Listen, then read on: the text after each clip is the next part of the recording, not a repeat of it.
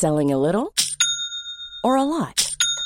Shopify helps you do your thing however you cha-ching. Shopify is the global commerce platform that helps you sell at every stage of your business. From the launch your online shop stage to the first real life store stage, all the way to the did we just hit a million orders stage. Shopify is there to help you grow. Shopify helps you turn browsers into buyers with the internet's best converting checkout. 36% better on average compared to other leading commerce platforms because businesses that grow grow with Shopify. Get a $1 per month trial period at shopify.com/work. shopify.com/work. Hey, it's Ryan Reynolds and I'm here with Keith, co-star of my upcoming film If, only in theaters May 17th. Do you want to tell people the big news? All right, I'll do it. Sign up now and you'll get unlimited for $15 a month in six months of Paramount Plus Essential Plan on us. Mintmobile.com slash switch. Upfront payment of $45 equivalent to $15 per month. Unlimited over 40 gigabytes per month. Face lower speeds. Videos at 480p. Active Mint customers by 531.24 get six months of Paramount Plus Essential Plan. Auto renews after six months. Offer ends May 31st, 2024. Separate Paramount Plus registration required. Terms and conditions apply if rated PG.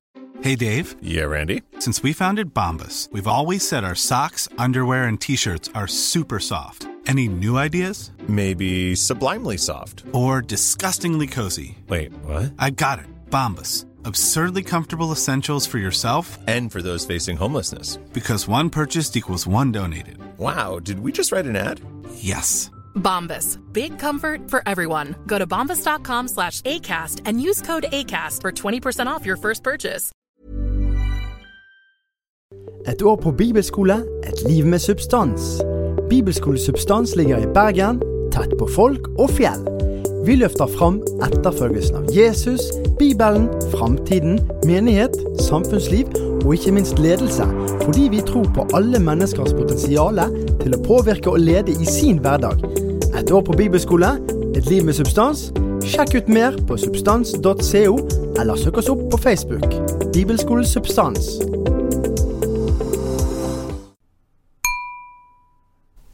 Spørsmål om kristen tro og seksualitet er knyttet mye strid og mange følelser. Det snakker vi om i dagens utgave av Tore og Tarjei, en podkast fra dagen.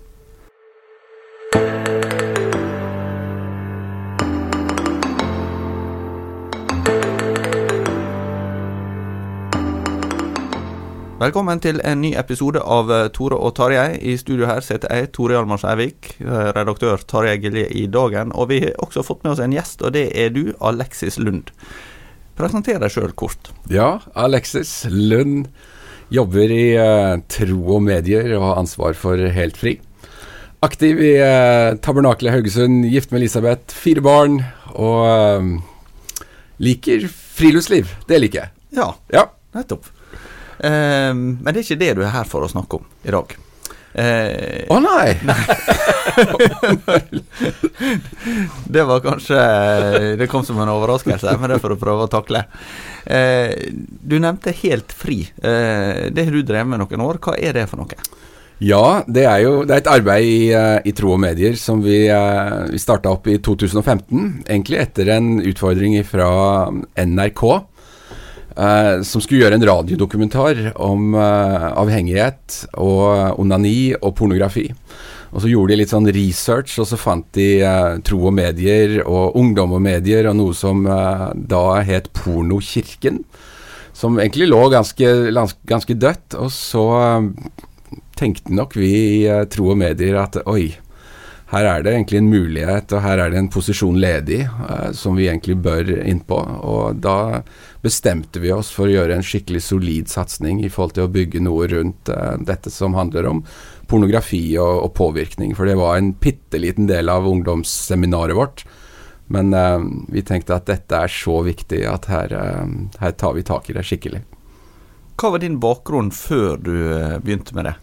Da jobbet jeg i to delte stillinger. Jeg hadde, var halvparten ungdomsleder, og øh, jobbet jeg halvparten med noe som da het ungdom og medier. Så jeg var jo veldig mye ute og underviste om mediebruk og påvirkning og rundt omkring i det ganske land om øh, hvordan mediene på en måte påvirka ungdommer. Og jeg kjørte vel en hel serie på Skam, var jeg vel omtrent i innspurten av da. Mm. Hva opplever du når du liksom eh, skal gå inn i en sånn rolle, så er det jo mange som kanskje vil tenke Oi, jeg er klar for dette her, og, og um, være ei kristen stemme i offentligheten om spørsmål knyttet til seksualitet. Det, det, er jo mange som, som vil vegre seg for det. Ja. For oss og for meg, når jeg sier oss, så er jo jeg på en måte ikke, ikke bare en enkeltperson. Jeg, jeg har jo kone, og jeg har barn og familie. Så, så måtte vi egentlig først gå noen skikkelige runder i familien om dette var noe pappa skulle gå inn i. Uh, og som ektemann uh, skulle gå inn i. Og det var vi skjønt enige om at dette har på en måte ligget litt i, litt i kortene i forhold til hvordan dette ungdomsseminaret som vi jobba med, og ungdomskultur, eh, at det lå der. Og så gikk vi noen skikkelige runder i, i tro og medier. Mm. I forhold til å forankre dette godt inn i styret. Uh, bygge inn noen gode, gode på en måte sikkerhetsrutiner. For dette er touchy saker. Altså Er det noe menn som meg som på en måte våger å stikke seg fram på, ryker på, så er det sex og penger og, og makt. Penger er egentlig ikke utelukka i denne sammenhengen, men uh, det er klart, det å, det å, vite litt at en går inn i et dystert, mørkt landskap, det, det bygde vi mye bevissthet rundt, for min egen del. Mm. Vi møttes jo Alexis på LED, pinsebevegelsens lederkonferanse i februar. Der hadde jo dere et, et innslag på det ene formiddagsmøtet. En, det var jo virkelig en, en følelsesmessig veldig sterk seanse der dere hadde laget en fortelling om en tenåringsjente som befant seg midt oppi eh, alt det seksualiserte presset, og for så vidt òg prestasjonspresset som mange tenåringer lever med i vår tid. Man kan jo bli rystet i sin sjel eh, av å betrakte dette på nært hold. Det gjør jo du i ganske stor grad. Kan du si litt om, om den nerven da, eh, mm. du opplever i, i, hva ungdomskulturen kan, eh, kan gjøre med Mennesker mm. som, som, ikke har ønsket seg eh, dit, på en måte. da. Ja. Ja, det er, det, er, det er, sant som du sier. Man blir, man blir rusta, og jeg, jeg blir rusta hver gang jeg har liksom gjerne samtaler med, med unge menn som forteller meg fortvila at uh, de klarer ikke å holde på relasjoner, og alt de tenker om jenter er styrt av pornografi. Mm. De kommer gjerne inn i rom hvor det, er, uh, hvor det er jenter til stede, og det første de tenker er hvordan ville det vært å ha sex med dem.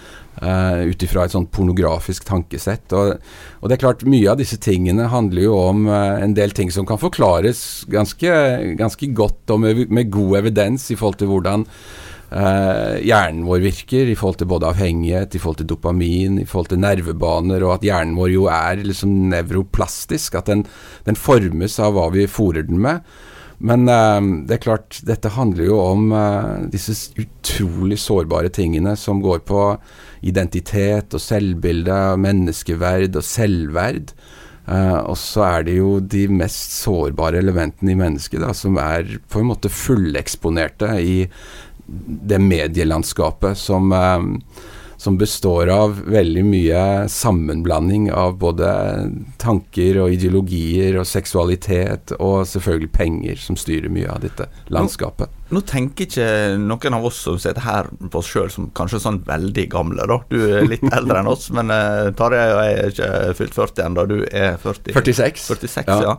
Uh, men her virker det som det har skjedd ganske store endringer fra vi var tenåringer. da. Mm.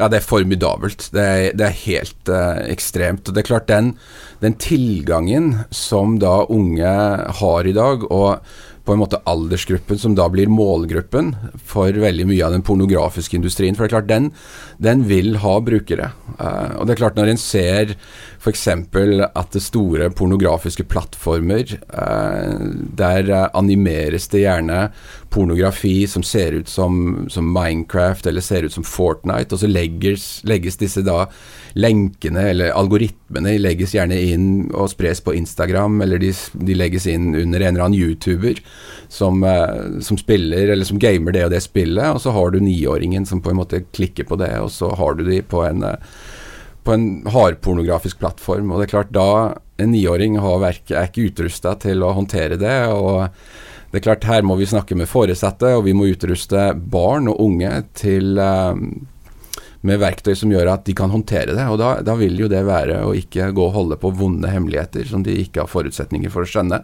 og åpne opp rommet i forhold til å prate med voksne. Hvordan eh, Altså, vi, vi, begynte jo med å, å, si at vi skulle snakke om relasjon relasjonen mellom, mellom, Gud og seksualitet. Mm. Uh, og, og, det er jo ingen tvil om at altså, Kirkens syn på seksualitet er jo av de, av de emnene som det har vært mye kamp om i lang, lang tid. Altså mye lenger enn i vår, i vår levetid. Og, og, Kirkens standpunkt har til dels, til dels vært litt forskjellig betont. og så lever vel vi nå i en tid der trangen til å frigjøre seg fra religiøse normer eller premisser er nokså tydelig.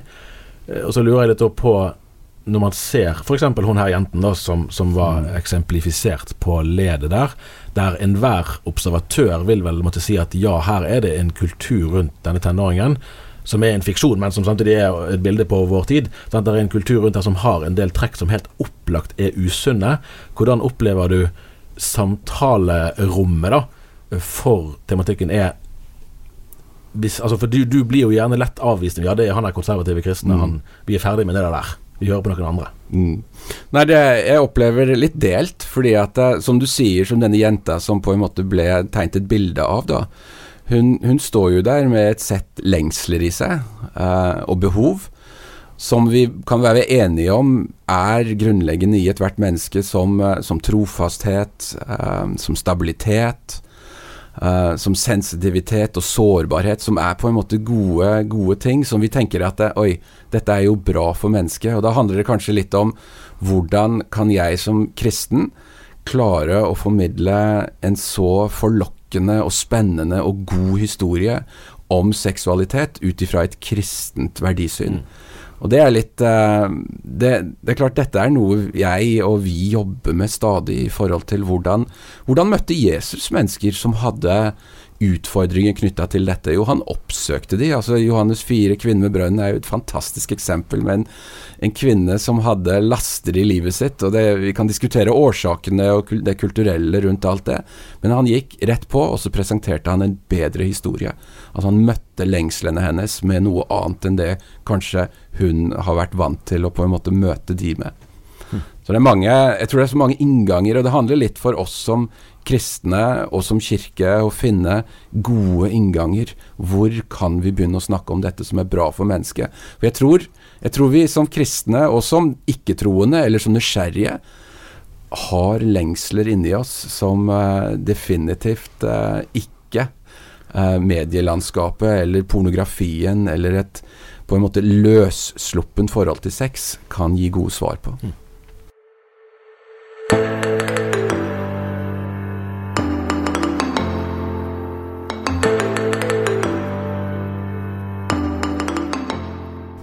Hva respons får du rundt omkring? Hva utfordringer er det folk setter ord på når du snakker om disse tinga?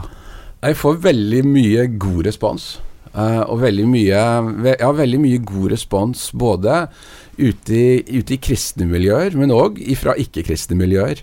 Uh, og Det er litt sånn, det er artig, fordi at særlig på mediebildet så er det ganske forutsigbart. Altså, Når vi snakker om porno, hvis vi på en måte smalner det inn, så får vi mer respons fra kvinner enn fra menn. Uh, det er interessant i seg selv.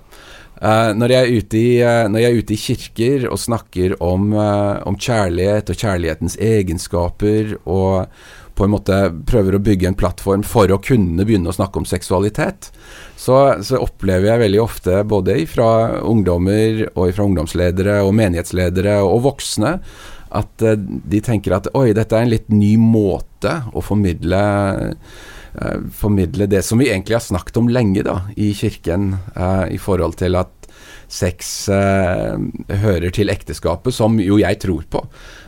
men det å på en måte bygge mye rundt det, hvorfor er det sånn? Hva er det som gjør at Gud har tenkt disse rammene rundt det? Og det, det, møter vi på en måte gode, veldig mye god respons på. Så har du disse litt sånn klassiske tingene som handler om, om grenser, um, om samliv, og de tingene som på en måte er uh, Det er vanskelig å kommunisere uten å bygge masse, å bruke masse tid på å kunne snakke om Guds kjærlighet for mennesker. For det, det må være en, på en måte en dyp forståelse av det før en skal på en måte gå inn med sånne ja-nei-ting. Uh, som jeg egentlig Altså, folk veit jo hva jeg står for. kjønn er f.eks. en annen ting som kommer opp i dette som en sånn det kommer ikke inn fra sidelinja, det kommer head on, rett på. Mm. Uh, og kjempeutfordrende å stå i på en måte disse her tingene som samfunnet stadig ønsker å pushe grensene på. Men så er det så mange signaler i samfunnet vårt som tilsier at oi um, det, dette, dette, som Bibelen bygger på, dette som på en måte Gud har skapt rundt mennesket, det har noe for seg å prate om.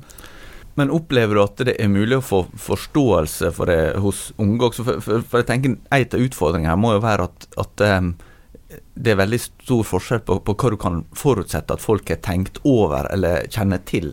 Mm. Altså Tidligere så hadde den kanskje en, en større grad av en sånn eh, fellesforståelse av noen ideal, da, så varierte det kanskje i hva grad folk brydde seg om de idealene, eller syntes de idealene var gode. Men en tenker at sånn tenker kristne, eller sånn, sånn er en kristen virkelighetsforståelse. Men nå eh, kan du kanskje ikke forutsette sånne ting på samme måte. Nei, det, det, er helt sant. Men på en annen side, hvis jeg på en måte speiler tilbake og tenker Altså, jeg møter jo unge som, som La oss si de har hatt sex med kjæresten sin for første gang. Uh, og så uh, hadde de egentlig bestemt seg i forkant at de ikke skulle ha sex. Men uh, så hadde de noe sex, og så er det blitt slutt. Og så sitter de igjen med en, med en, følelse av at oi, nå har jeg på en måte Nå har jeg gjort noe jeg ikke skulle. Um, nå har jeg gjort noe jeg angrer på. Og det er klart, da å begynne å stille de spørsmålene Hvorfor er det sånn at du sitter med en smerte, og hvordan kan du sette ord på den, og hva kan du gjøre rundt livet ditt? Altså, Gud, Gud er helt klar på disse tingene. Han gjenoppretter. Mm. Altså, det, det, seksualitet er òg på en måte omfattet av Guds nåde. Men det å på en måte gi litt svar på hvorfor gjør dette vondt Og det er klart, vi har gjort enorm underholdning av uh, av dette i samfunnet vårt i forhold til, uh, til TV-serier som på en måte spiller på sex, som gjør vondt. Altså ikke, det, ikke fysisk, men som, gjør, som skaper følelser. Altså Ex on the Beach er jo et sånn typisk eksempel på det. Rører opp masse følelser som ikke er gjort opp. Uh, og så blir det på en måte underholdning av det. Men det å spole litt i, i historien vår da, som mennesker, Uh, og spørre hvorfor, hvorfor skjer dette, og hvorfor Og der, der ønsker jeg å dra mennesker liksom helt tilbake til utgangspunktet i forhold til hva, hva var vi, og hva er vi ment å være. Uh, og hvorfor var det sånn at disse to menneskene som da heter Adam og Eva, var nakne og levde uten skam? Jeg tror jo fordi at de var åpne, at de levde i åpenhet, at de levde i sannhet. Og at de levde og vandret i det de var skapt til å være. Jeg, så nettopp nå, ja, en uke eller to siden kanskje, eh, i Dagbladet en overskrift som gikk sånn av typen slik, eh, slik får du mest mulig tilfeldig sex. Mm. Altså At det var noe man, man skulle trakte etter. Eh, og det slo meg som en sånn Det var jo på en måte ikke overraskende at Dagbladet hadde en sånn overskrift, antioverraskende, men troskapsidealet finnes jo ennå i kulturen. Altså Utroskap som fenomen er det vel egentlig ganske få som vil stå frem offentlig og forsvare. Uh, det, og, og, i mm. TV-serier og lignende, ja. og i filmer, så er det på en måte Det er en del av dramaturgien gjerne hvis noen er utro, så er det problematisk. Men, men selve den normen har jo ikke den samme forankringen i vår tid, i hvert fall kulturelt sett. Jeg lurer på hvordan du opplever møtet med det samtidig, når du kommer med ditt ståsted og vil si at ja, men troskap er bra. Mm. Det er fint å holde seg til én. Ja. Eh, og så er man i en kultur der, der det er vel ganske få i befolkningen som bare har sex med ett menneske i løpet av livet. Mm, mm. Nei, jeg, jeg syns ikke det. Jeg syns det er eh, På én side så er det utfordrende å på en måte møte disse, disse normene som, som, faller på det området, og, og, verdier som jeg tenker at det er bra for mennesker. På den andre siden, så jo mer jeg jobber med dette, jo dypere jeg graver i dette, jo mer frimodig blir jeg på, på det kristne standpunktet i forhold til dette, at Gud har ment dette for mennesket til det aller beste, fordi at det, konsekvensene av utroskap uh, er store, og det gjør skrekkelig vondt. Og det er, som et, et jordskjelv inni mennesker som på en måte opplever dette, om det er i, i, i relasjoner de har, eller om det er innad i ekteskap, så er dette ting som på en måte er så smertelig. Og jeg, jeg tenker jo at her ligger jo her ligger jo Guds omsorg, mm. og da er det opp til, opp til, meg og oss og vi som kirke å kunne formidle og settes ord på. Og skape og lage et språk da, som på en måte går òg inn i kulturen vår. Og kanskje ordet 'hvorfor' uh, er For fordi at det å si ja og nei og rett og galt, det er liksom Det er ganske greit. Mm. Men uh, når, vi, når, jeg er der ute, da, i ungdomsmiljøer eller i samtaler med med ungdommer, eller ungdomsledere som gjerne vil ha veiledning rundt dette, så må en komme med noe hvorfor. Når du eh, møter ungdom i dag, eh, opplever du at de eh, er en annen situasjon? Altså Vi snakka om det tidligere, om at det, ting har endra seg noe. Men, men, er det en annen situasjon eh, enn en det du sjøl opplevde da du var tenåring? Altså Hvordan vil du sammenligne det å være ja. tenåring da du eh, ja, med nå? Det, det opplever jeg særlig pga. mye dette som handler om, eh, om tiden deres om påvirkningen, og dette som handler om dopaminmaskinen som mm. ligger uh, i lomma deres. Ja. Som, uh, som, nærer veldig mye av tingene. Og det er klart, dette med informasjon og utforskning, dette at de blir pepra og oppsøkt av pornografi. Mm. og det, det, seksualiserte språket som foregår ved i, uh, på podkaster, på, på, YouTube Ikke, ikke her. Ikke her! på YouTube, i kommentarfelt uh, og i gaming. Ja. Uh, altså språket som er i gaming, som niåringer sitter og spiller, det er, det er formidabelt. Men en kan jo lure på, da burde eh, kristne foreldre sier enda mer nei, eh, og, og, på en måte beskytte barn mer mot Altså Det, det finnes jo mm. de som vil si eh, en burde hva jeg si, nesten ikke være på internett i det hele tatt, kanskje. Ja, Iallfall ikke bruke jo... Eh, iPad og iPhone og sånn. Og Det er jo interessant at det er gjerne skaperne av en del av disse ulike plattformene som sier det. Ja, ja.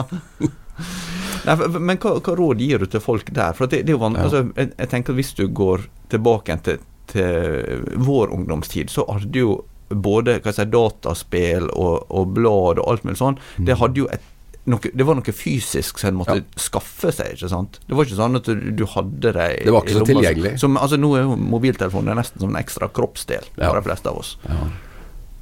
ja. Nei, jeg, jeg, tenker at Altså, jeg har vært ute Jeg var på Sunnmøre her for en stund siden sammen med sønnen min, som nå blir 19 år. Og så hadde vi et opplegg om hvordan, uh, hvordan har vi prata om disse vanskelige tingene. Uh, og det er klart da disse tingene som handler om, uh, om jenter, om pornografi og påvirkning, om venner og liksom alt det som gjerne mange vegrer seg litt for å snakke om. Mm. og det er klart Da måtte jeg spole litt i mitt eget liv. I forhold til hvordan, hvordan snakket min far med meg om dette. Og det, det var én samtale. Ikke til forkleinelse for han, men uh, det var en samtale på kanskje rundt 15 minutter. Uh, så når jeg spør min far igjen, da, hvordan snakket din far med deg om dette? Uh, min bestefar, han var, han var prest, og han Min far smiler lurt og sier nei, det var én setning. det var én setning. Så det er blitt utvida over tid, da? Ja, det har tatt seg opp. Men interessant. altså Litt over 20 år tilbake, sant? når, når, når Trojanmar og meg reiste på tenåringsleire, da var du akkurat ferdig med den slags, sant? Eh, noen få år før. Ja. Så, så, for da var det helt vanlig, sånn som jeg husker det, at da snakket man om ja vel, hvis du er kjærester, så, så, går grensene for hva som er ok her og mm. der. Det var kanskje litt uenighet. Er det lov, nå for å være bitte litt konkret, sant? var det lov å ta kjæresten på puppene? Det var det vel helst ikke. I hvert fall gikk grensen ved beltestedet, og da var det enhver form for på en måte, mm. Det var ikke bare snakk om samleie, men det var jo berøring i det hele tatt. At det skulle man holde seg unna eh, til man var gift, eller i hvert fall til man var nærmere gift. Altså med tanke på, på altså berøring av såkalte erogene soner. Eh, I dag vil jo kanskje en sånn undervisning fremstå nærmest som eksotisk. ja. Og det det jeg lurer på da, hvor, hvor fjernt er dette fra det som òg kristne ungdommer vokser opp med i dag? Ja, det er et kjempegodt spørsmål, og dette er noe på en måte som er så utrolig relevant, som jeg møter ute i felten. Senest sist uke var det en, eh, en, leder på en skole som spurte meg om dette. Og jeg tenker at det at vi som voksne, og som på en måte har ulike sånne lederroller i, eh, i ungdomsmiljøer eller i kirker, eh, eller hvor det nå er, på en måte må tørre å være tydelige i forhold til disse tingene. Det å snakke om overnatting det å snakke om grenser, hva, hva, er lurt og hva er ikke lurt. Det å snakke om tidspunkt, det å snakke om uh, alenetid og ikke alenetid. Altså, dette er ting som vi har snakket om hjemme med våre barn. Altså, vi har jo tenåringer uh, som har kjærester.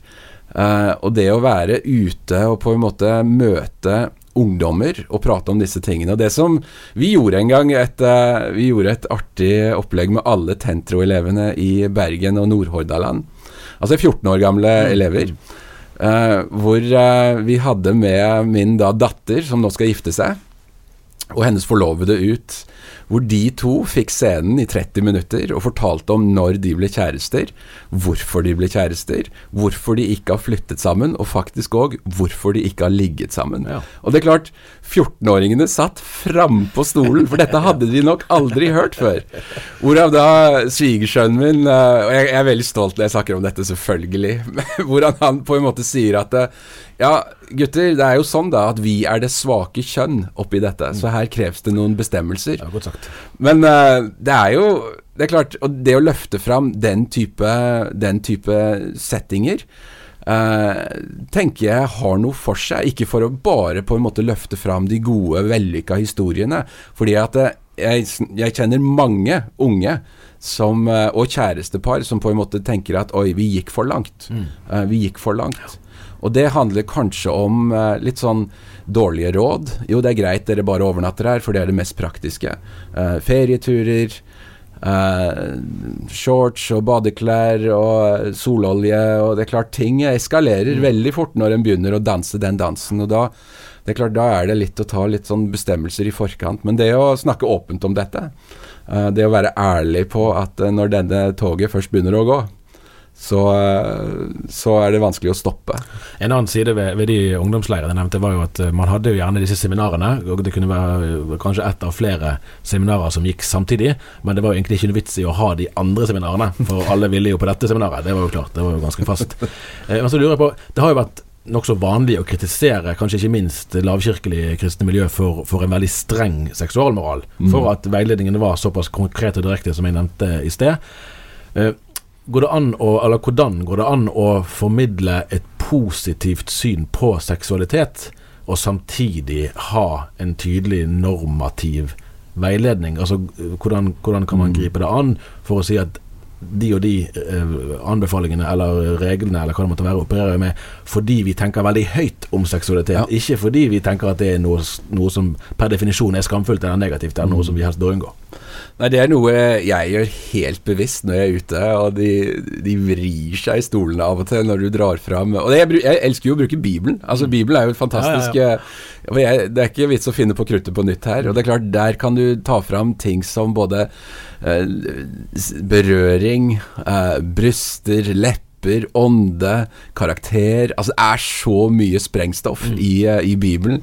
Og det er klart, det å ta fram høysangen, og så la, la ungdommene lese seg gjennom, og så tror de nesten ikke sine egne øyne eh, når jeg sier dette står i Bibelen. Og så gir jeg litt sånn rom for å, å fortelle om hva er det med disse to menneskene som lengter etter og elsker hverandre så inderlig hele natten. Hva er rammen rundt disse to menneskene? Og det er klart, det å liksom brette gardinene litt til side og si at hei, det, det er dette Gud faktisk ønsker. Men forutsetningen er jo trygghet. Uh, forutsetningen er jo kjærlighet. Og forutsetningen er jo faktisk en pakt. Og det er, det er virkelig stort. Uh, og det er klart, det, det tegner kanskje et litt annet bilde enn um, en det jeg ble fortalt da når jeg var ungdom. Uh, at du skal ikke ha sex for ekteskapet. Uh, punktum. Eh, men det å løfte fram seksualiteten som noe hellig, eh, og som noe dyrebart, det er klart det vil være forebyggende. For man tar jo vare på det som er verdifullt. Men er det, ligger det der med en slags tanke hos deg at, at eh, fordi samfunnet er blitt så seksualisert, så er på en måte seksualiteten blitt noe mindre enn det den var meint å være? Altså Ja. det, for at Den er, ser veldig stor ut, men den er egentlig blitt mindre. Ja, det, det er klart det. Det forteller jo alle tall også. Altså tar du, tar du Medietilsynet sine tall da, om dette som er veldig aktuelt i forhold til nudes, altså deling av nakenbilder, så opplever vi jo eh, klart Tallet der er, er, ligger rundt sånn 13% 13-16-åringer som deler nakenbilder. Og når de går inn og spør i forhold til, um, i forhold til kjønnene, da, så sier 26 av jentene at de har følt seg pressa til å dele nakenbildet. Og det er klart, nakenhet, det er sårbarhet. Eh, det er enorm sårbarhet. Og det er klart, da er vi oppe i et, eh, oppe i et landskap her hvor seksualitet eh, og kroppen vår, som jo er ment for å beskyttes og tas vare på, blir brukt til noe helt annet. Og det er eh, tragisk for unge. Men når vi ser på, måte, de teknologiske forutsetningene og kommersialisering og alt rundt det, så, så kan det virke som at dette her er trender som er utrolig vanskelig å eh, snu. da. Hvordan tenker du om det?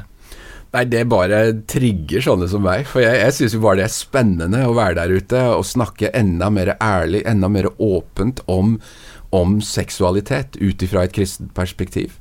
Fordi at det, det er jo en Jeg opplever jo å møte ofte en tomhet Uh, altså, sånn som dette som handler om, om, pornografi, så møter jeg en enorm tomhet. Altså, det, er, det er som en bøtte uten bunn i når folk begynner å dele om hvordan, hva dette har gjort med livet deres.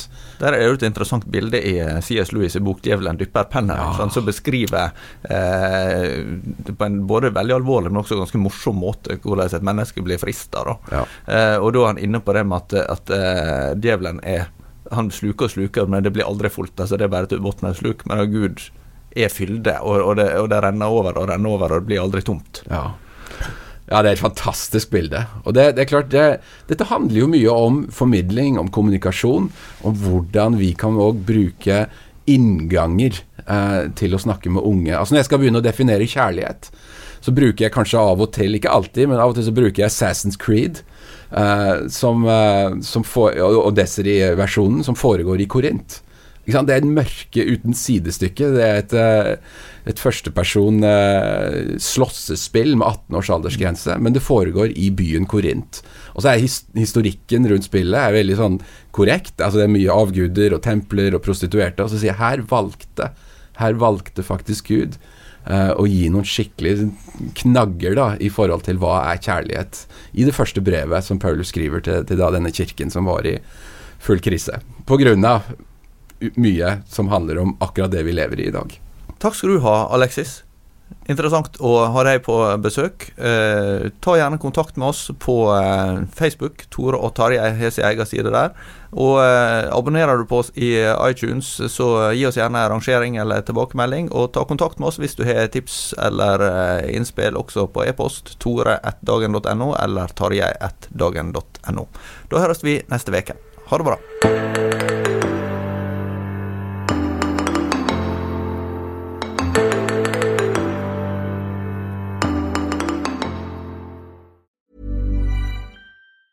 Planning for your next trip?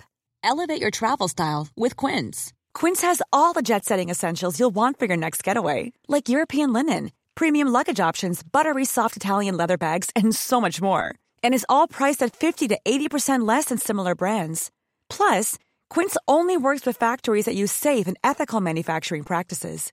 Pack your bags with high-quality essentials you'll be wearing for vacations to come with Quince. Go to quince.com slash pack for free shipping and 365-day returns. Hey, it's Paige DeSorbo from Giggly Squad. High quality fashion without the price tag. Say hello to Quince.